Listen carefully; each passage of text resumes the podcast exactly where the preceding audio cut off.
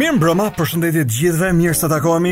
Ky është një episod i radhës i dilemës sociale në radio, që qëllon që bashkë me fillimin e muajit, por edhe një javë krejt pranverore, ku edhe pse erret më vonë mendoni prap 2 orë na duhet për t'u mbyll në shpi me orën policore, edhe pse gjysma e kanë kap filmin këtë vend. Në orën 8:20 çohen nga bari, kapin makinën dhe i zë trafiku deri para orës 22. Okej. Okay. histori e përditshme kush uh, qarkullon pasditeve apo mbrëmjeve në këtë qytet e di si funksionon. Ne na qëlloi të dëgjohemi sot në një ditë që për legjendë urbane mbahet si dita e gënjeshtrave, rrengjeve, të pavërtetave ose siç e themi ne, zakonshëm, zakonisht në gjuhën e uh, të përditshmes, sot është dita e rrenave. Dhe unë e di që mund t'ju shkojë mendja automatikisht thu, ose mund të themi mendoni pak uh, profilin e njerëzve që mashtrojnë më shumë. Dhe mendja ju shkon direkt te politika. Por mua jo detyrimisht, se sa mashtruesa kemi, me, me domethënë shifni pak, hidhni vështrimin vërdallë. I ke në fis, i ke në lagje, i ke në mjedis pune, i ke në rrethe të ngushta e të gjera dhe pastaj si derivim i gjithë kësaj shoqërie që këta janë njerëzit Vijnë dhe politikanët që e bëjnë uh, mashtrimin vazhdimisht hapur dhe nga vota popullore ose jo varet karriera tyre. Duke kërkuar këtë javë të gjej një artikull interesant, ë, uh, për sa i takon formave se si politikanët mashtrojnë, gjej një një uh, siç thashë, një artikull interesant të Ben Andonit që do ta kem sot në program ë uh, pak më vonë. se të gënjesh si job description për politikanët shqiptarë. Për ata që nuk e kuptuan termin anglisht, është se si të detyrë profesionale një politikan, ë, është që të mbajë në ajër me mashtrime për interesa të çdo momenti personale ose politike audiencën që e ndjek ose njerëzit që e votojnë. Dhe duke u thelluar më tej në kërkim gjej një shkrim të revistës konservatore amerikane National Review, ku ndër të tjera shkruhej se Gënjeshtra duket se është pothuajse një kërkesë e domosdoshme apo pjesë e asaj se çka mund të quhet job description për një politikan që kërkon të zgjidhet në krye të një institucioni, në organe vendimmarrëse të shoqërisë apo uh, fjala vjen të votëbesohet apo ja ku i kemi zgjedhje gjithë do kërkojnë vota për deputet tani kështu që pothuajse të gjithë politikanët veçanërisht në kohë fushatash elektorale kur kërkojnë të zgjidhen gënjejnë askush Nuk mund të zgjidhet nëse thotë të vërtetën, shkruan National Review. Natyrisht, disa politikanë gënjejnë më shumë se të tjerët, por pothuajse të gjithë gënjejnë. Pse? Po për çfarë arsye? Hej, nuk është nuk thonë kot që uh, fjala vjen ku qëllon që edhe ne takohemi kjo kjo periudhë fushate qëllon në prill, një prilli ditë mashtrimi, sa meme keni pasur online me politikanë dita ime, dita ime. Por Më thoni edhe naivi në këtë vend e kuptojnë që kjo është periudha më inflacioniste në periudhë fushate e mashtrimit si formë premtimi. Gati diarreike. Por është aty, në fakt. Dhe nuk nuk ka humbur. Ka plot që as nuk vënë në refene, për shembull çfarë politikanët nxjerrin nga goja se kanë punët e tyre, sepse Disa shohin thjesht bursën e votës, pra lekët. Të tjerë përpiqen ndonjëherë të gjejnë mes artikulimeve me premtime që shif çfarë kemi bërë apo uh, s'kemi s'keni pa gjë akoma, do të bëjmë akoma më shumë etj etj, që të paktën të pohojnë nëse ka një rol ose jo mashtrimi i tyre në të përditshmen ose në vendimmarrjen që do të marrin fjala vjen për shembull datën 25 prill. Por a është kjo vetëm shqiptare si sjellje? Natyrisht jo, jo dhe jo. sepse format e mashtrimit politik as nuk i kemi shpikur ne, madje këtu vetëm i kemi perfeksionuar gjithmonë e më shumë duke iu përshtatur këtij vendi. Megjithëse mekanizma nga propaganda deri tek media e ka kthyer tamam tamam në atë që e quan uh, National Review Job Description, pra pjesë e punës. Ëm çdo mbrëmje natyrisht edhe për shkak të impenjimit në raport me analizat që bën vazhdimisht Iris Luarasi, një mikeshe ime personale, po rrjedhimisht pastaj edhe ju e shihni ë në analizat që bën programeve politike. Unë e kam thirrur në radio këtë pasdite. Iris, mirëmbrëma. Përshëndetje. Të kam kapur në përgatitje e sipër për një tjetër të enjte politike sot. Po, në të vërtetë. Po, unë të falënderoj që gjete kohë. Megjithatë jo, kam përshtypjen që në ndryshim nga një pjesë tjetër që e percepton dhe shef politikën si uh, diskutim televizori, diskutim uh, në uh, i vazhdueshëm i komunikimit publik masmedia, ti e konsumon po aq uh, aty përball uh, her pas here me uh, politikanët aty, me njerëz që uh, e artikulojnë atë që ndonjë ndonjëherë mund të jetë e pavërtetë ose mund të jetë vazhdimisht e pavërtetë, si ia bën për ta kuptuar një mashtrim në raport nga një e vërtetë. Shiko, është më vështirë që të kuptosh një mashtrim nga një e vërtetë. Mm -hmm. Nuk është kaq e thjeshtë, uh, edhe aty e para njëherë që është çështje ndonjëherë dhe instinktive, mm -hmm. kur ti beson ose nuk beson ke ke personazhi. Mm -hmm. uh, e dyta ka lidhje edhe me researchin që duhet të bëjë një gazetar përpara, kur ti mbledh informacione në lidhje me individin ose në lidhje me me, me temën. Mm -hmm. uh, Po, kjo politika e 30 viteve të fundit me thënë të drejtën na ka bërë të kuptojmë që ka shumë mashtrues në politikë dhe kjo është një fatkeqësi shumë e madhe, domethënë. Kjo ka qenë një nga problemet e mëdha të politikës së Shqipërisë. Pra mendoj se në këto 30 vjet do kishim do kishim ecur shumë përpara, në qoftë se nuk do kishte pasur uh, një politikë kaq shumë shëmtuar. Po atëherë, ma shpjego pak. Nëse uh, vazhdon dhe mbetet si element i cili uh, po ashtu përdoret pra në gjuhën politike, atëherë i bie që me sa duket, kush di ta bëjë më mirë ecën përpara. Shiko, e në... Uh, Kështu i bie?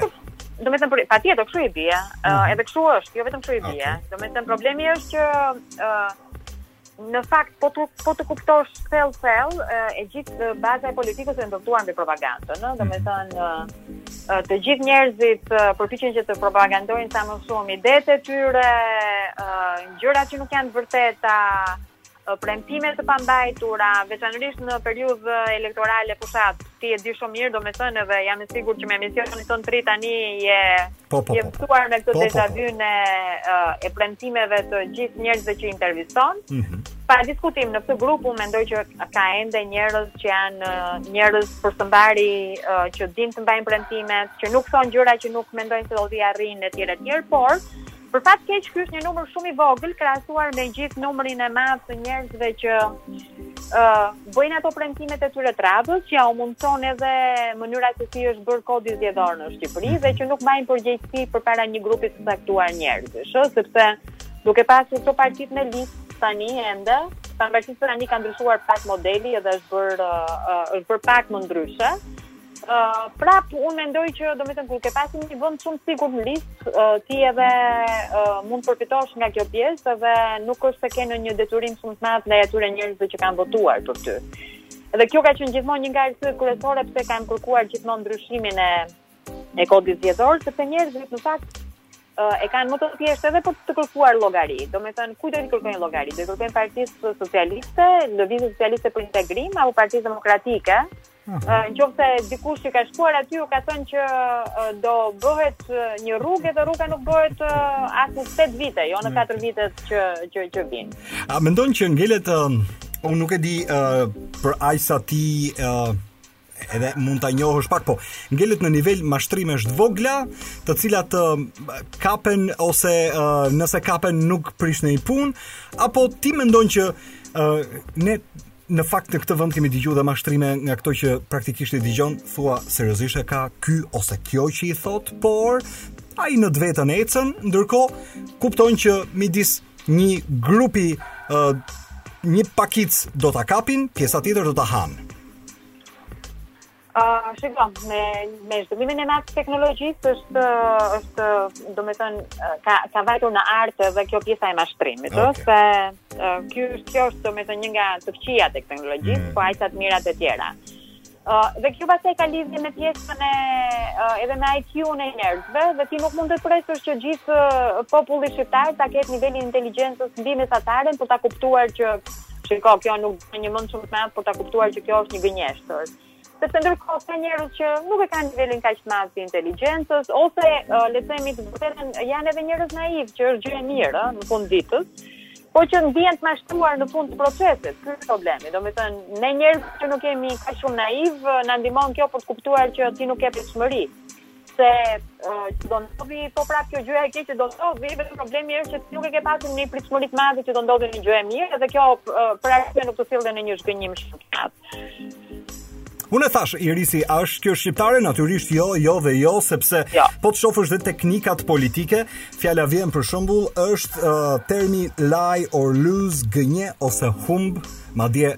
le ta themi uh, në termin dhe në gjuhën uh, siç e themi zakonisht, gënje ose humb si legen, sepse praktikisht praktikisht uh, dhe këtu pastaj më vjen keq, ka nga ata të cilët uh, duke përdorur këto teknikat e qoftë edhe mashtrimit të ndërmjetëm apo premtimeve të pambajtura apo kapjes pragmatike të votës tani direkt, unë mashtroj e kap votën tani dhe marr rezultatin që dua edhe pse siç ju thatë mund të zhgënjehen më vonë njerëzit rrjedhimisht shihet si zotësi politike. Pra praktikisht e shef dhe ti kështu që, ok, mashtrues, po i zoti. Jo, unë s'e kam parë asnjëherë kështu. Më thuaj pra, më thuaj po, më thuaj se pse pse pse në dhe s'po them vetëm në Shqipëri, po pse politikisht sa njerëz që e bëjnë këtë u vlerësokan. Uh, shiko, unë mendoj Eno që ka një grup njerëzish që të vlerësojnë, uh, që ti uh, vërtet i do edhe kujdesesh për këta njerëzit, edhe është pjesa tjetër pastaj që ti nuk të prishet puna fare, s'të duan, të duan, të urrejnë etj etj. Kështu që uh, në në fund të ditës, uh, unë gjithmonë kam menduar që secili nga ne tregon veten, edhe secili tregon edhe parimet që ka. Domethënë, Për ca njerëz si puna jote imja, kjo pjesa e ndershmërisë dhe e përballjes së publikut në mënyrë të ndershme është një kriter shumë i rëndësishëm. Ë, uh, edhe nga mënyra se si ne flasim, edhe nga mënyra që mbajmë përgjegjësi për ato që themi, edhe për edhe kur bëjmë gabime uh, që kërkon falje, Prandaj them, domethënë të gjitha këto janë pjesë e procesit. Mm -hmm. Kjo pjesa e njerëzve që mashtrojnë uh, në mënyrë të qëllimshme pastaj, domethënë për mua është totalisht e pafalshme. Edhe kjo është një nga arsyet kryesore pse them se kjo politika është kaq shumë e poshtër, edhe mhm. kaq e thua përdor ato fjalë popullore që kemi në shtëpi, domethënë. Ëh. Se është se është në thelb domethënë në fakt në fakt në fakt e kuptoj kuptoj e kupton dhe dhe un prap mendoj që në shumicën domethënë është e vërtetë ajo pjesa që ma ka thënë një herë një politikane për një mhm. për një mhm. veprim që bëri dhe që në në në muhabetin si po ti a vërtet mendon që ajo është një gjë e mirë që bëra edhe domethënë mhm. me shumë edhe në fakt gjithë puna unë nuk uh, mendoj fare për ty pse se ti nuk je fare votuesja ime unë mendoj për pjesën tjetër të njerëzve uh, që do më votojnë për këtë gjë që unë kam bërë. Kështu që mbase ka të drejtë ajo edhe mbase ajo prandaj është politikane edhe unë jam. Pra, jo, pra, prandaj kështu pra, ka që Irisi prandaj po them. Shife, po. uh, nëse me sa duket për të hyrë në politikë edhe ajo që vazhdimisht ti tani sheh në çfarëdo lloj zgjedhjesh, të gjitha partitë politike përpiqen që të na tregojnë ne se kanë uh, transfuzion të ri në thelb i gjak politik, pra djem e vajza të rinj. Vetëm se ajo që pastaj ti kupton është që historia përsërit veten dhe mashtrusat ngelen po aty. Jo, problemi është që patjetër gjithmonë ka të rinj që i bashkohen politikës, uh, edhe janë disa prej tyre që e kanë shumë qartë që në fillim që po kanë hyrë aty për të bërë lekë, për t'u bërë të famshëm, për të përfituar çfarë mund të përfitojnë edhe me mashtrim modelet edhe me mashtrim po, po, sipas po, modelit patjetër ka edhe të tjerë pastaj për hir të së vërtetës se ka shumë të rinj të talentuar në Shqipëri që janë të edukuar të arsimuar të mençur mhm. që hyjnë aty dhe për fat të keq nuk sjellin dot atë ndryshimin se është vetë ajo struktura aq e ngurtë e partisë që i bën ata si vetja, edhe ata nuk kanë asnjë shans që të japin më të mirën e tyre brenda këtyre formacioneve politike. Irisi, unë do të të vendos ty tani Në raport me një analizë shumë uh, të shpejtë që nuk besoj që të kërkon një thellim, ama je krejt e lirë të më thuash që unë nuk përgjigjem. Po. A gënjen Rama? Patjetër. A gënjen Basha? Patjetër. Po Monika Kryemadhi, a gënjen? Po patjetër. Rrjedhimisht dhe Erion Veliaj?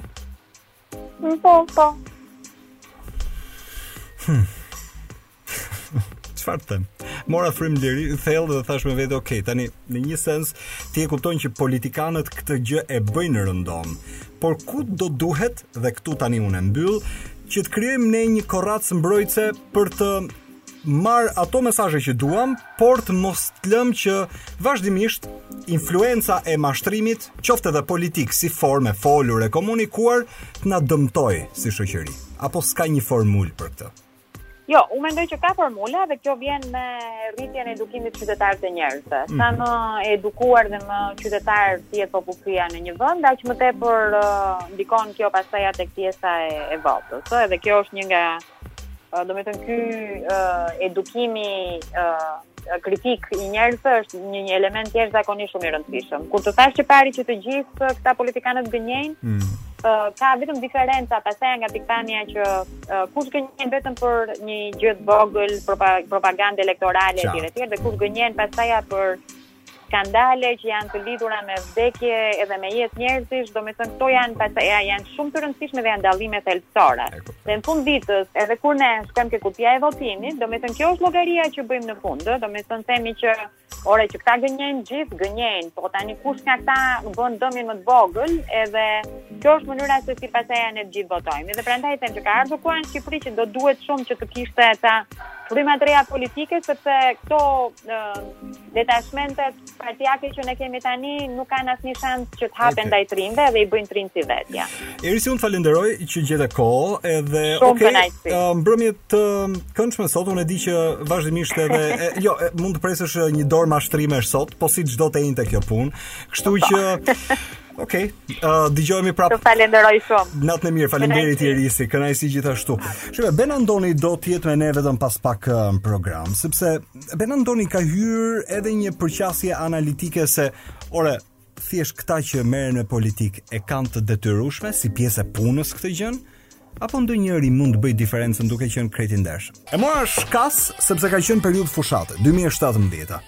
Ben Andoni si një njeri që vazhdimisht uh, hulumton dhe analizon çfarë ndodh me shoqërinë në këtë vend, shkruante se Duket se 27 vitet, pra Beni shkruante në 2017-ën, duket se 27 vitet e jetës në demokraci nuk kanë qenë të mjaftueshme për shqiptarët që të kuptojnë se gënjeshtra dhe fshehja e së vërtetës është gati një normë në demokracitë e brishta, por jo vetëm. Sali Berisha, Fatos Nano, Ilir Meta, Edi Rama, Lulzim Basha si përfaqësues më të dukshëm të krahëve politikë shqiptarë, jo vetëm që s'i janë shmangur trendit ndërkombëtar të premtimeve të politikanëve, gjysma mashtrime, por E kanë pasuruar madje me kontributin e tyre. Mirëmbrëma Beni. Po mirëmbrëma. Faleminderit që gjete kohë për të folur bashkë në radio. Dëgjohemi uh, pas sa kohësh bashkë. Po pas shumë kohësh. Beni, kë do shtoje ti me emër nominalisht tjetër veç atyre që përmenda nga shkrimi yt i 2017-ës? Po sot, pak a shumë janë të njëtët njerëz, ah. kuptohet që mungon në Fatos Nano, me gjithë se u duk një moment, uh mhm. -huh. ka pak nivele të dyta të themi njerëzit të cilët mhm. janë përkrah Zotit Rama dhe përkrah Zotit Basha, të dy kanë bërë një lojë upgrade-it të njerëzve të cilët mbështesin këtë ligjërimin e tyre politik në këtë moment. Po s'ka ndryshuar, nuk ka ndryshuar asgjë Ben, a din është e njëjta e njëjta e njëjta panoramë. Absolutisht. Uh, për një arsye të vetme në mendimin tim, mm -hmm. që njerëzit që artikulojnë drejt, njerëzit që artikulojnë shumë konform programeve të tyre, ata janë njerëzit të cilët dëgjohen në dëgjohen në publik. Në qoftë se keni vënë re me kujdes, mm -hmm. të dy partitë kryesore, qoftë në ligjërime, marrin dhe alternojnë premtimet e njëri-tjetrit. Dhe është qesharake për shembull sot të dëgjosh që Zoti Rama thotë do e heqim dhe kemi hequr taksën për mm. biznesin e vogël, ndërkohë që Partia Demokratike thotë që ne do e heqim. Ndërkohë që të dyja partitë sot që është një problem krejt tjetër, nuk e përmendin dot ose nuk janë në gjendje, ashtu siç është e gjithë bota të parashikojë se kur do mbarojë pandemia.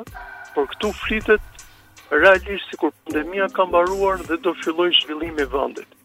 Dhe një element tjetër që më ka bërë shumë mhm. çudi mm -hmm. në ligjërimin sidomos të Partisë Demokratike është përmendur një shifër e cila përkon me shifrën të cilën KLSH-ja e ka nxjerr për problematikën që ka biznesi shqiptar, problemet e korrupsionit e tjera me radhë.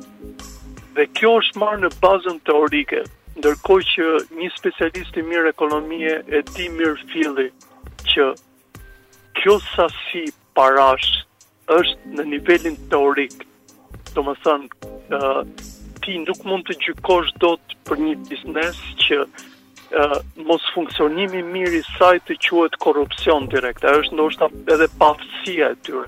Por këto para në asnjë moment nuk mund t'i shkojnë dot buxhetit të shtetit siç e, siç e shpall partia demokratike. Dhe këtu për shembull të lindin shumë dyshime që vërtet si do arrin të drejtojnë këta. Po, pra. Megjithatë, megjithatë Ben, uh, shive, uh, përgjithësisht po. opozitat uh, ndoshta janë uh, më të prirura që të gjejnë një tjetër lloj forme të uh, mashtrimit në një sens, sepse duan që të ngjallin një lloj shprese që përkthehet në votë. Ndërkohë nga ana tjetër, uh, kush kërkon të rikonfirmohet pushtet apo të mbajë pushtetin do të gjejë ca forma të mashtrimit për të treguar se uh, është e nevojshme rikonfirmimi me votë. Unë kam përshtypjen që në këtë po. periudhë, sidomos edhe për si me thënë profilin e kësaj fushate, kam përshtypjen që kjo lloj forme e gjuhe politike me mashtrimin brenda po prevalon më shumë se ç'duhet. Ë uh, po. a e ndjen ti uh, që ka sh, ka kaluar masa, ka shkuar aty ku s'mban më? Shikoni, ë uh, Do të dëshiroja shumë që fjala mashtrim të ishte një lloj eufemizmi. E okay. Uh, okay. Për mendimin tim jemi deri diku bashkë në sensin që ata realisht nuk kanë qasje fare me realitetin mm -hmm. dhe kjo është e dhimbshme. Është e vërtetë që thoni ju që opozita do bëjë çmos që të vijë në pushtet, Ndërsa nga ana tjetër, pozita duhet të bëjë çmos që ta mbajë pushtetin.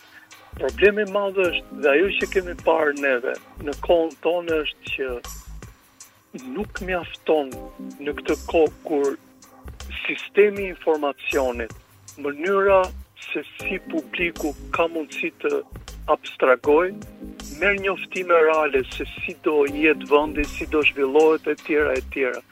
Problemi i madh është që këta njerëz të cilët neve u delegojmë votën, sepse vota jonë që momentin tonë që e hedhim delegohet ke njerëz që pothuajse neve nuk na përfaqësojnë fare.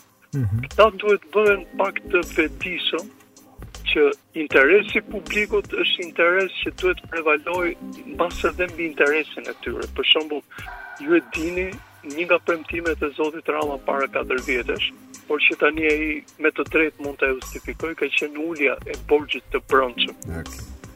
Ndërkohë ju e dini që borxhi i brendshëm ka rritur në një shifër frikshmërisht të madhe. Dhe Mjaftonte vetëm ky element për dy partitë kryesore që të fusin një klauzolë në kushtetutën tonë, që borxhi i brendshëm publik nuk do arrijë në këtë shifër, ata do ishin shumë shumë të besueshëm krahasuar me ato që thuhen në në këtë moment ose ato që ata proklamojnë në këtë moment. Kuptohet, mënyra se si hedhin poshtë njëri tjetrin e tjera, kjo është e arsyeshme. Ju keni të drejtë. Por, ky ligjërim, nga ana tjetër, një farë mënyre tregon edhe këtë që të dyja shfrytëzojnë dhe nivelin shumë të ulët të asaj që përfaqësojnë partitë tona që janë gati në nivel parapolitik. Ju për shembull e keni kuptuar shumë mirë mm. që e keni trajtuar Me ça kam parë që është mungesa e ligjit të partive politike te ne, ka sjellë këtë kaos të madh që rekrutohet kushdo dhe sjell këto gjëra, domethënë. Ben, uh, për ta mbyllur, um, po. natyrisht uh, ju thoni që mund të ketë disa elementë uh, më uh, më real. Më real, por po. duke iu referuar po ashtu shkrimit 2017-ës se gjej gjëra të mhm. ngjashme më është duket sikur uh, janë disa gjëra të cilat në çdo kohë edhe në 2027-ën po t'i sjellësh, gjuha artikulimi do jetë po njësoj. Tipit për shembull uh, ju thoni, edhe nuk mbaron këtu sepse fjalia që dëgjohet më shumë në këtë fushatë është mbiemri e re. Po. Një republikë e re, fillim i ri, administratë e re, natyrisht mungon njeriu i ri si po. formë. Por çdo gjë e re, e re, e re, e re, në çdo po. formë e re. Domethënë, kjo e reja që premtohet dhe duket si për një dorë duket si një ëndër e bukur, ëh, në një sens që hajt. A mund të them, po. a mund të them diçka? Kjo realisht ka lidhje me sensin e filozofisë politike në Shqipëri. Ah. Këtë kanë bërë në kohën e Ahmet Zogut për administratën e vjetër që erdhi dhe mm. një farë mënyrë erdhi në mënyrë patriotike në Shqipëri. Këtë bëri regjimi i Enver Hoxhës ndaj njerëzve më përpara dhe këtë u bë në vitin 90 për atë trashëgimi që ne e ngritëm si e ngritëm, po u ngrit. No. Dhe të them vetëm të fundit, në qoftë se do më lejosh. Patjetër. Ë uh, Martin Luther Kingu vizionari, mm. realisht thoshte që në një farë mënyre, unë nuk mund ta perifrazoj tani të plotë, ky uh, partizanllëku i këtyre partive brenda spektrit ideologjik është i kuptueshëm, ai e kishte fjalën për demokratët dhe republikanët në shtetin amerikan, po ka një lloj krahasimi me Shqipërinë, mm. por thotë uh, hiper partizanllëku është jashtëzakonisht destruktiv për vendin tonë. Dhe një farë mënyre ky hiper partizanllëku në Shqipëri, po, i po. njerëzve qoftë dhe këtyre specialistëve që dalin mm. dhe uh, e no, ti e ke parasysh në momentin që këta nuk janë në lista këta të bëjnë gjëmën, pastaj. E kupton?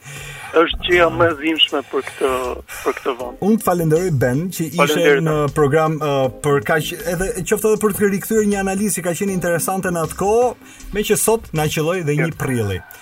Unë të po. falenderoj, natë e mirë Ben. Faleminderit. Ishte me mua Ben Andoni në radio. Unë kam në në radio tani sepse doja që ta kisha në radio për ta dëgjuar për diçka që nuk është për të si pjesë e komunitetit të gjithë qytetarëve një gjë e huaj. Por në raport me parimet që ai beson, natyrisht që është mëkat. Me rrejt të gënjesh apo të gjesh ca forma që të divulgosh të pavërtetën.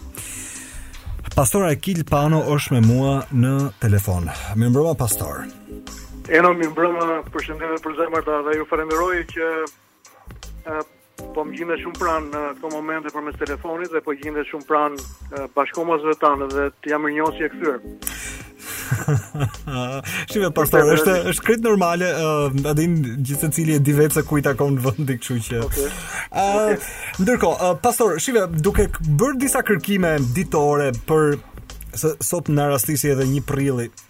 Po, përtej asaj kjo është një punë e zakonshme, e përditshme, uh, ne arrijmë të bëjmë vazhdimisht fact check midis asaj që është e vërtetë dhe është e pavërtetë. Unë thashë në nivel qytetar, si gjithë ne, ti hasesh përditë vazhdimisht me njerëz që uh, në sidomos kur kanë periudha zgjedhore elektorale në këmbim të votës, premtimet i kanë gjysma të pavërteta. Por në atë që ti beson, pastaj kam përshtypjen që kur futesh në në analizë pak më të thellë, Kam përshtypjen që gjysma e ose mos më shumë e politikanëve janë mëkatarë, direkt madje. Çfarë ndjesie të vjen dëgjuar kështu? Eno, shiko, unë në fakt doja ta nisja me një nga ato shprehjet e Hegelit. Aha. Uh -huh filozofi gjerman i cili tha përpara se të kemi një komunitet politik, duhet ndërtohet një komunitet moral. Mm -hmm. Fatkeqësisht në Shqipëri ne dështuam të ndërtonim këtë komunitet moral, Përgjatë këtyre tre dekadave post-komuniste. Dhe ja ku jemi. Jemi çdo 2 vjet, pasi zgjedhjet në Shqipëri janë çdo 2 vjet. Dhe përballemi me premtime nga më të paimagjinueshmet, përballemi me dëgjojmë pra premtime që janë hiperbola mm -hmm. dhe kam përshtypjen se një nga arsyet pse ky elektorat i gri i njerëzve të pavendosur se kujt do t'i japin votën apo A ia vlen të shkojmë të votojmë apo jo? Uh, pikënisjen e ka pikërisht këtu, tek zhgënjimi i madh, i cili qendërzon premtimet e parealizueshme përgjatë këtyre tre dekadave, premtime të stërmëdha, që në fund të ditës janë, sikundër edhe ju thatë, gjysmë gënjeshtra ose të pavërteta të Megjithatë pastor, ë uh, hm, se tani duhet dua që mos të të nxjerr ty nga ajo që është veshja jote ë uh, e besimit. Dakord, nuk ka problem. Ku, ku shkojnë këta që gënjejnë? Është pyetje, pyetja jote shumë e thjeshtë, në fakt të bën të tronditesh sepse ë uh, Diku dikur të gjithë rrëzohemi pikërisht tek një nga, përmbushja e një njërit prej 10 urdhërimeve, ti nuk duhet të gënjesh. Okej. Okay. Edhe apostulli Pal, Shën Pali i madh thotë që gënjeshtarët thonë do të shkojnë do të shkojnë në ferr. pra ky është realiteti biblik. Mm. E me gjithë këtë, e me gjithë këtë herë herës, herë herës, tundimi është shumë i madh për të thënë gjysmë të vërteta për të gjithë ne, jo vetëm politikanët. Por me që pyetja juaj ishte ishte e, specifike, unë kam përshtypjen se politikanët në vendin tonë, edhe politikanët e rinj që janë duke hyrë rishtas në politikë, dhe kur i shohim në një farë mënyre të gjithë shpresojmë, shpresojmë që kjo kastë e re e djemve dhe vajzave të reja, Duhet të jetë natyrisht duhet të jetë një një kastë e cila na frymëzon të gjithëve, edhe na bën të shpresojmë. Por çështja kryesore qëndron tek ideja e frikës dhe nderimit, frikës dhe nderimit për një institucion më të lartë, sesa ligji, kushtetutat, një institucion më të lartë, pra e vërteta. Drejtësia mungon në vend, për shkak se mungon e vërteta, për shkak se mungon moraliteti, për shkak se mungon integriteti moral personal si një pronësi e panegociueshme individuale.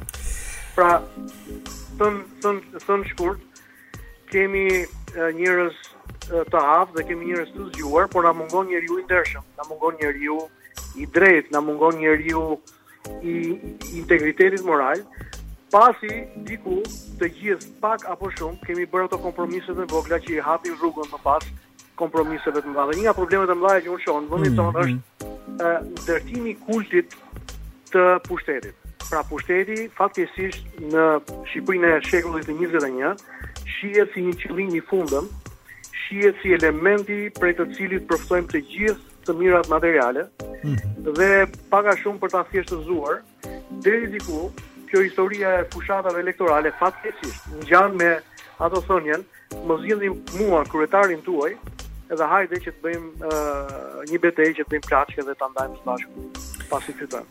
Megjithatë, ë um, shiko pastor. Hm.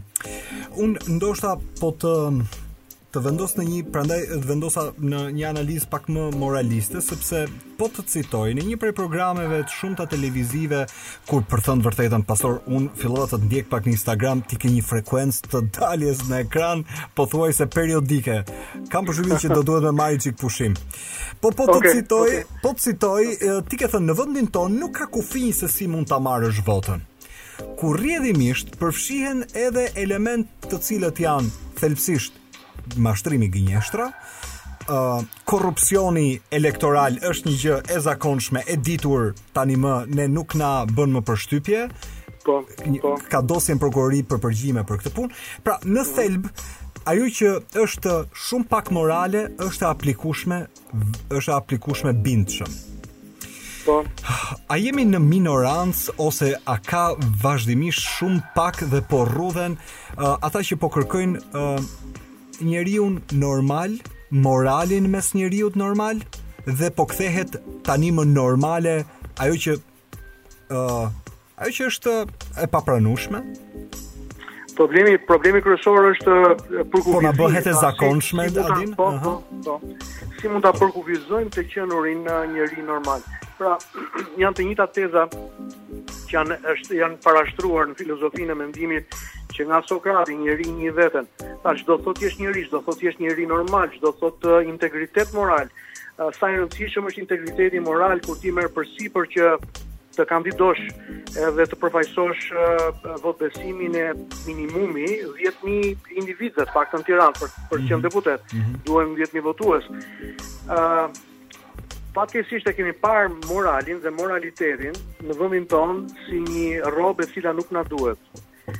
Pasi nuk kemi pasur kohë, nuk kemi pasur kohë që në shoqërinë komuniste më fal në shoqërinë e mhm. konsumit, konsumiste, nuk kemi pasur mjaftueshëm kohë për të ndërtuar njeriun e mendimit, njeriun e virtyteve dhe të vlerave.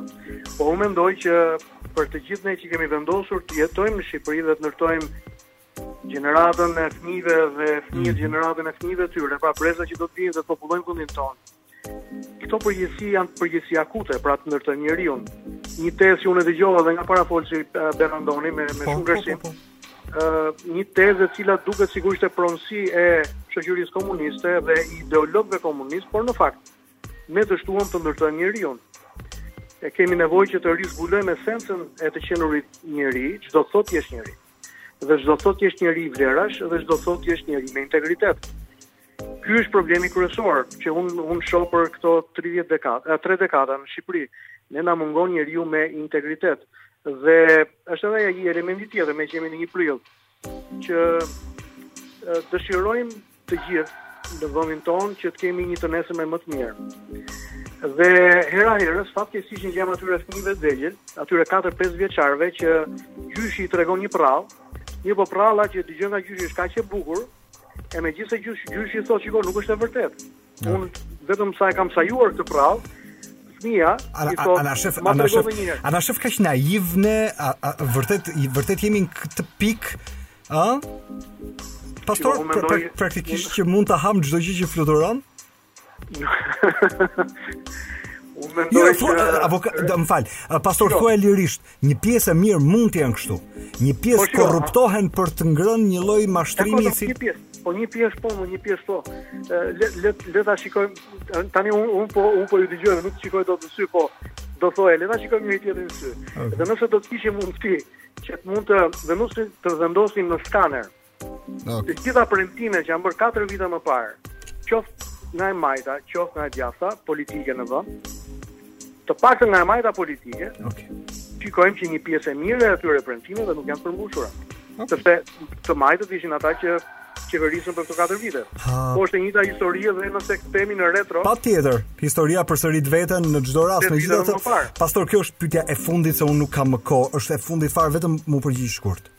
Në një situatë hipotetike, koha kalon, ti bën po ashtu me uh, devocion këtë punë që bën, uh, dhe dikush të vjen, një prej politikanëve, thot pastor, shiko, un kam bërë një mëkat ose kam mëkatuar vazhdimisht.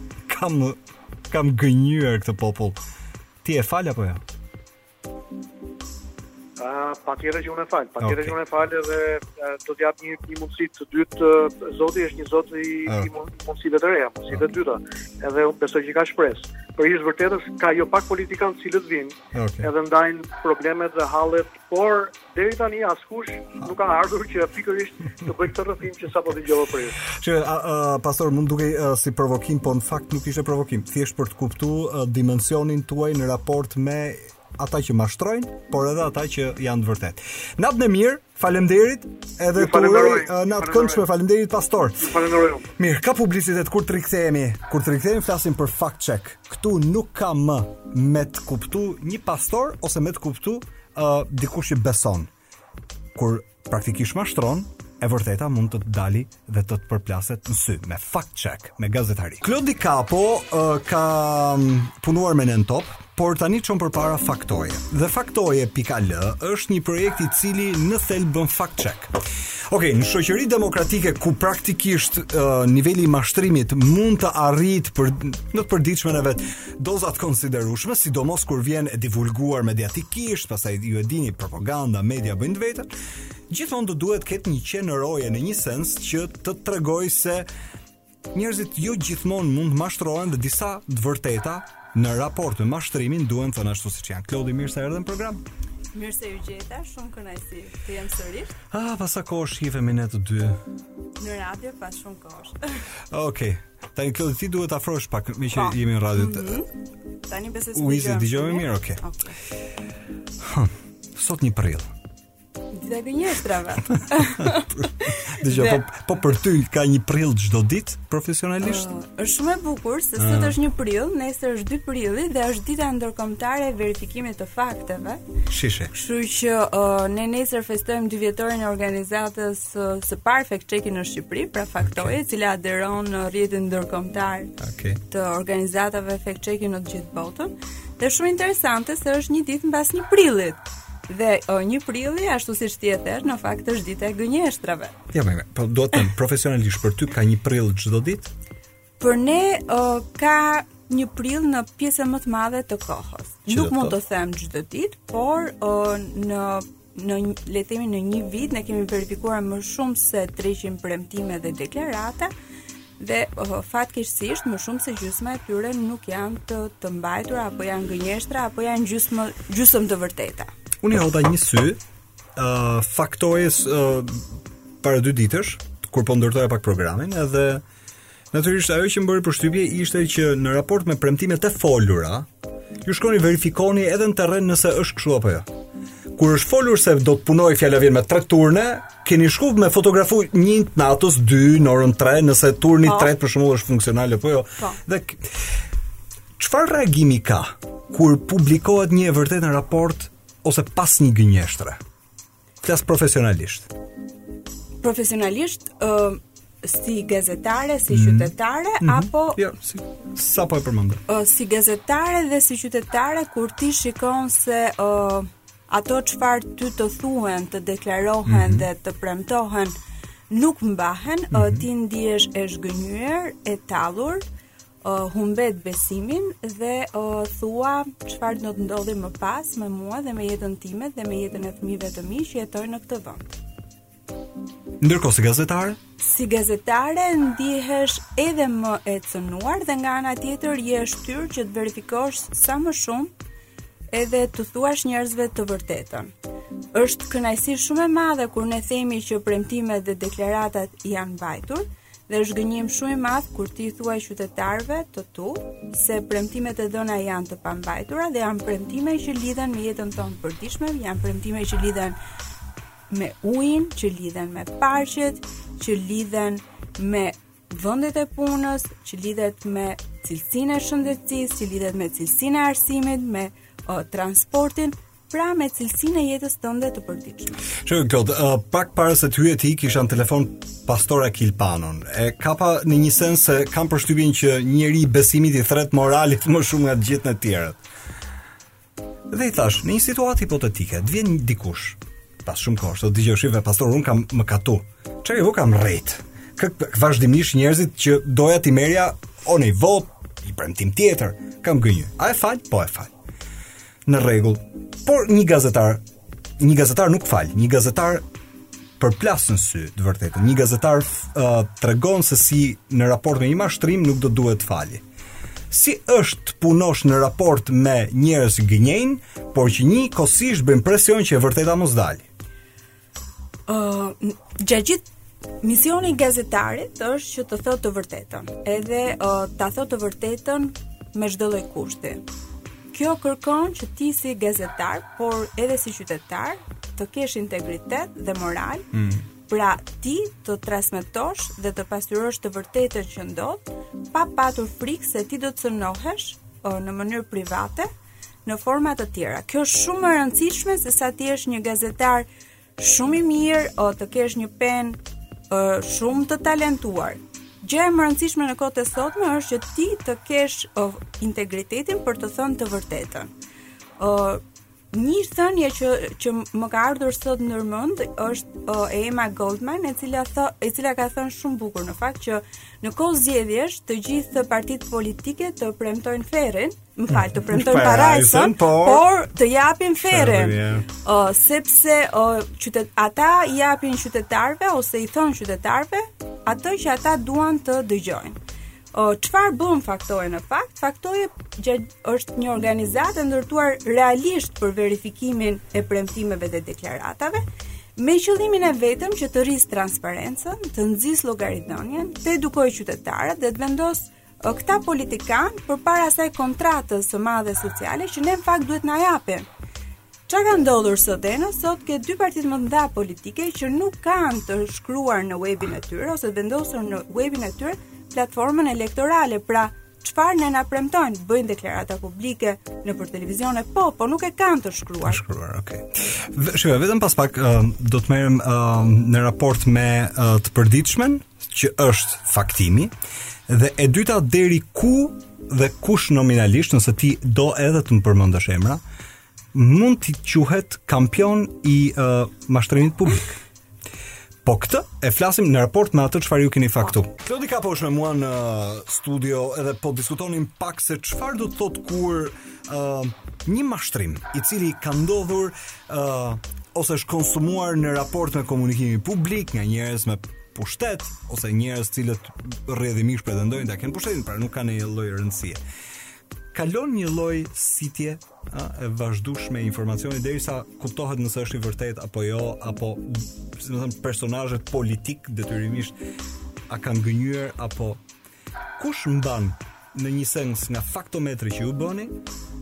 Nëse mund të më thuash edhe emra, lirisht, nëse jo, mund edhe mos ta bësh, po ta lë ty në dorë në etikën tënde personale profesionale. Praktikisht uh, kë do evidentoje që ka më shumë problematikë me të vërtetën. Ë, uh, fakt, Faktoje gjatë kësaj periudhe është marrë me o, dy probleme madhore të Shqipërisë, një ndër të cilat o, është rindërtimi pas mm -hmm. tërmetit. Pra fokusi ynë ka qenë ai si një ndër problemet më të mëdha që shkaktoi qoftë në ekonomi, por qoftë edhe edhe në njerëz, edhe në turizëm. Dhe o, problemi tjetër me të cilin ne vazhdojmë të merremi edhe sot është çështja e o, menaxhimit të pandemisë në Shqipëri, ashtu siç po ndodh dhe në vendet e tjera të botës. O, ti e përmende shumë saktë që ne kemi o, faktometrin dhe kemi një metodologji ndërkombëtare, o, ku para se ne të publikojmë nëse o, një lajm është i vërtetë i pa, ose i pavërtetë, o, kalon në disa hallka, një prej të cilave është o, ne kërkojmë gjithmonë informacione zyrtare në institucionin apo o tek zyrtari i cili drejton institucionin mbi çështjen mbi të cilën ne po investigojmë apo po hulumtojmë. Ë shumë shpesh përdorim të drejtën për kërkesën për informacion, nuk ka përgjigje, për shembull ti më the mund të përdorësh një emër në pjesën e rindërtimit, Ministria e Rindërtimit nuk është transparente mm -hmm. për sa i përket menaxhimit të uh, fondeve për sa i përket rindërtimit. Kur ne kemi kërkuar në mënyrë të një herëpashershme detajimin e projekteve në nivel kontrate, që do të thotë në rast se Eno ka marrë një kontratë për rindërtimin e X zone, o, sa është vlera që o, ti si kontraktor ke marrë, çfarë do të ndërtosh, kur do ta ndërtosh dhe kur përfundon afati i projektit. Qartë. Kjo është transparencë dhe nga ana tjetër ne kuptojmë o, sa është kostoja kur o, njerëzit do hyjnë në shpi dhe o, si është bërë procesi i prokurimit. Pra sa transparent është ky pra, proces? Pra midis premtimeve që janë po. thënë dhe realizimeve.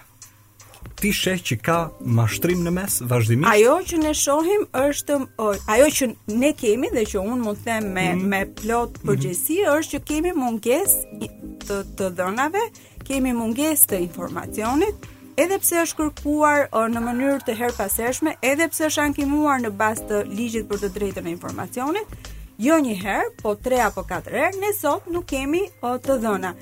Dhe ndërkohë ky është një detyrim, pasi një pjesë e madhe e fondeve nuk janë vetëm nga buxheti i shtetit, por janë edhe nga donatorët e huaj. Shive, nuk thuhet kot që ndonjëherë gjysmë të vërtetat janë më keq se gënjeshtra. Domethënë kur them gjysmë të vërtetat, këtu vijmë tek elementi i propagandës. Mm -hmm. Pastaj ti e njeh propagandën. Dezinformimi dhe të propagandës. Ti e po, njeh propagandën si makineri e uh, E një informacioni që jepet ose një mesazh të përpunuar që jepet me një qëllim të caktuar. Kur i kërkon t'i ballafaqosh mm -hmm. midis diçka që është thënë publikisht në raport nuk ka rëndësi kanalet e komunikimit. Por në thelb janë ato kanale që t'i thonë gjysma të vërtetat, nuk i thonë të vërtetat e plota, i thonë ashtu si duan etj etj. Çfarë përgjigje kanë?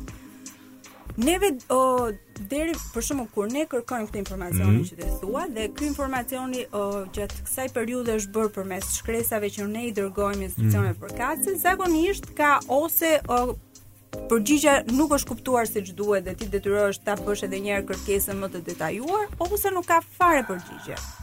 Pra është një heshtje totale, absolutisht. Është e gjitha në tërë. Dhe ka ndodhur në mënyrë të përsëritur sidomos për çështje të cilat janë sensitive dhe shumë të rëndësishme për për qytetarët. Megjithatë, kur kërkon të të shkosh në kahje të vërtetës, gjithmonë ka një risk nga pas. Telefonata, ë uh, ndërhyrje, njerëz të njohur që kërkojnë që me një çështje mos merresh apo të anashkalohet, Si është e përditshmja ekuilibriste e punës një gazetari që kërkon të verifikojë, të investigojë, të kërkojë, të verifikojë. Uh, intimidime, telefonata patjetër që ka patur. Mm. Uh, është shumë e rëndësishme Eno që uh, dhe unë këtë e them me bindje të plotë, ndaj dhe kam zgjedhur këtë profesion. që në rast se ne zgjedhim çështje të cilat janë realisht në interes të publikut, në rast se ti ke mjaftueshëm të dhëna, prova dhe informacione dhe e ke rikthyer disa herë shkrimin apo artikullin brenda ekspertëve që ne kemi dhe që o, i kontrollojmë dhe ti je i bindur se kjo çështje është shumë e rëndësishme për vendin, Nuk besoj se askush do të lëndohet. Në rast se ti bëhesh levë e dikujt apo ti je në në në i ke një qëllim të caktuar apo do të shfrytëzohesh për për të kërkuar diçka tjetër, atëherë këtu kemi një problem shumë të madh. Pra, është shumë e rëndësishme se si e përdor ti informacionin. Faktoje ka një element tjetër shumë të rëndësishëm që ne na garanton pavarësinë, çështja financiare. ne financohemi kryesisht nga donatorë të huaj dhe është shumë e rëndësishme që të gjitha financat tona janë publike në faqen tonë. Pra çdo gjë qoftë ne kemi pavarësi editoriale dhe pavarësi financiare, okay. që është kyçi i lirisë së medias. Love to lose, dëgjoni tani Sandro Cavazza në radio, vetëm pas pak do të të pyes për një njeri që është shumë i rëndësishëm për ty. Në sensin e asaj çfarë uh, vjet ka ndërtuar jo vetëm te ty, po te shumë breza njerëzish, natyrisht dhe unë po aq, po unë të kam ty, do flasësh ti për të. Është bërë gazetari uh, pas viteve 90, por nga ana tjetër se si janë formuar ca breza gazetarësh, qoftë edhe në shkollë, për shembull, një emër është i pashlyshëm, quhet Fatos Baxhaku. Dhe Klodi, um, për rastësi nuk e di, po uh, vitet e fundit Lidhja profesionale me me Fatosin ose lidhja personale me Tosin, le ta quajmë. Të gjithë njerëzit e njohin miqësisht. E jota ka qenë e fortë. Projekte uh, të ndërtuara, disa gjëra që i kishit plane uh, për të çuar përpara, bashkë etj etj. Pyetja është. Sa e kujton gjatë uh, të përditshmes? Uh, unë Tosi është, uh, do të është një njeri uh, me cilin unë pata fatin të të lidhem që në fillimet e para të gazetarisë, para se të vija në Top Channel, pra uh, Tosi ka qenë uh, kryeredaktori dhe drejtori im i parë i informacionit mm. në vitin 2000 dhe më pas ai ishte personi si të thuash i cili u bë mbarë që unë të vija në Top Channel. Dhe o, që prej vitit 2000 edhe o, deri para o, një viti, Tosi ka qenë, o, në fillim fare ka qenë pedagog, më pas ka qenë koleg, o, dhe mik edhe bashkautor në, në, në disa libra, pra unë me Tosin kam një gjithë rrugëtimi i fillimit tim të gazetarisë për fatin tim, edhe deri në fund ka qenë një person me të cilin uh, një mik, një shok, një koleg i cili mua më ka dhënë shumë sepse më ka uh, më ka bërë uh, gazetaren që unë jam sot. Okej. Uh, po nga ana tjetër më ka ndihmuar shumë edhe edhe për t'u rritur si njeri, qoftë edhe në uh, vendimet që unë kam marrë, gjithmonë i kam konsultuar me të. Kështu që uh, Tosi ka për të qenë uh, gjithnjë me mua, pavarësisht se nuk është fizikisht. Uh, patjetër që e kujtojmë ne kemi shoqëri të përbashkët, mm. uh, takohemi shumë shpesh me Ildën dhe Enon, të cilët janë miqtë e tij dhe prej të cilëve ne u njohëm dhe shoqëria jonë vazhdon edhe sot. Uh, me mbesën e tij Arbën, me të cilën isha para se të vija pak minuta këtu, me me Turin, vllajën e tij dhe me Brikenën me të cilën jemi me shtëpi afër, kështu që o Tosi, edhe pse nuk është fizikisht, o prania e tij është të vazhdon të jetë dhe ka për të qenë gjithmonë. Kur njeriu ikën, Dhe është natyrisht të tjerët janë shumë të lidhur diku në një moment përpiqen ta projektojnë. Si do ta kishte përjetuar Fatos Baxhaku këtë lloj forme sot? jo se nuk e ka njohur propagandën, jo se nuk e ka njohur makinerinë e mashtrimit, jo se nuk e ka njohur çfarë rrace politikanësh kemi pas. Por në mënyrën dhe ditët që po jetojmë, kam përshtypjen që po ashtu është transformuar mënyra dhe rrjedhimisht unë shoh dhe njerëz të komunikimit që disa janë përshtatur, disa janë shumë distant, nuk e duan në një sens këtë lloj forme, kanë mbetur tek analiza e vjetër, i thonë gjërat troç, njerëz kanë bërë kompromise, si do të kishte qenë ai, si mendon ti? Po Tosi nuk bënte uh, marrëveshje. Pra okay. Tosi kishte zgjedhur të ishte një person që nuk i kishte borxh askujt. Okej. Okay. I lirë. Dhe kjo liria e tij sigurisht që kishte kosto. Ë nuk kishte pritshmëri ndaj askujt dhe unë nuk besoj se do zhgënjehej pasi figurat politike vazhdojnë mbeten po ato. Ndryshon koha, transformohen në luk, në veshje, në paraqitje, por thelbi është i njëjtë. Kështu që kam përshtypjen që Tosi i ka njohur shumë mirë në periudha edhe më të vështira. Mm dhe absolutisht nuk do zhgënjehi, po do jepte secilit prej tyre të njëjtën përgjigje që ja ka dhënë live në periudha të ndryshme dhe që sigurisht që u ka dhëmbur. Megjithatë, të gjithë ata kanë uh, edhe sot dhe do vazhdojnë të kenë respekt, sepse ka thënë të vërtetën edhe një e vërtetë pa kompromise. Njerëzit e afërt i mbajnë kujtimin kujdo që ikën. Pastaj për pjesën tjetër është kalimtare gjithë kjo jetë. Nisa. Unë nuk e di, ju bët një tentativë të parë për t'ja mbajtur emrin. Po rrjedhimisht duket sikur ë uh, pastaj un thash koha është kalimtare dhe un nuk do doja që koha t'i mbivendoste gjërat. A keni një plan ju për të bërë diçka tjetër për të? Grup miq, shokësh, njerëz që kanë qenë shumë afër. Si me thënë, Bora më tregoi për librin, edhe pa. Po. libri u kry. Ë uh, ju kishit uh, po ashtu projektin bashkë i cili po ashtu u përmbyll. Në sens O, ne, fakt, dhe me, kur... Nuk e di po- ça ka lën akoma. Tosi nuk është se ka lën, uh, uh, unë mendoj Tosi ka lën shumë, uh, ka lënë librat, mm. ka lënë ka lënë gjithë atë gjeneratë gazetarësh që jemi ne sot edhe o, shumë prej nesh trashëgojnë shumë gjëra të tij që mund t'ia trashëgojmë brezit të brezit të ri. Ë, më vjen shumë keq që ai nuk është sepse do kishte shumë punë për të bërë me brezin e ri, dhe ishte një është një model që sot është vështirë për tu për tu për të patur një tjetër model si ai. Ë, libri i Tosit ishte ë, që u botua në njëvjetorin e tij ishte i pambyllur, i papërfunduar dhe ë, kur ti e lexon kalon përnjëherësh dhe duket që ë, ai kishte shumë për të shkruajtur, ka lënë shumë dorëshkrime dhe mbase mund të jetë ajo, por vetë Tosi ai ishte si të thuash amaneti dhe meraku edhe dëshira e tij e madhe. I have to say this, dhe do ta mbyll. Hey, uh, dëgjoj Klodi. Unë ndonjëherë bëj gabim sepse përpiqem që njerëzit që nuk janë t'i t'i kërkoj tek njerëz të tjerë që na rrethojnë etj. Pastaj gjithmonë ka vetëm gabim se them nuk janë më, mos e tento se dhe këtë e bëj po. edhe me njerëz shumë më të rëndësishëm që ne i kemi jetu bashkë. Shiva, ë uh, do duhet në një mënyrë që të ketë një çmim apo një bursë të përvitshme me emrin e Fatos Baxhakut, kështu emri qarkullon. Edhe kujtimi mbetet dhe sa të kem frymë këtë gjë në momentin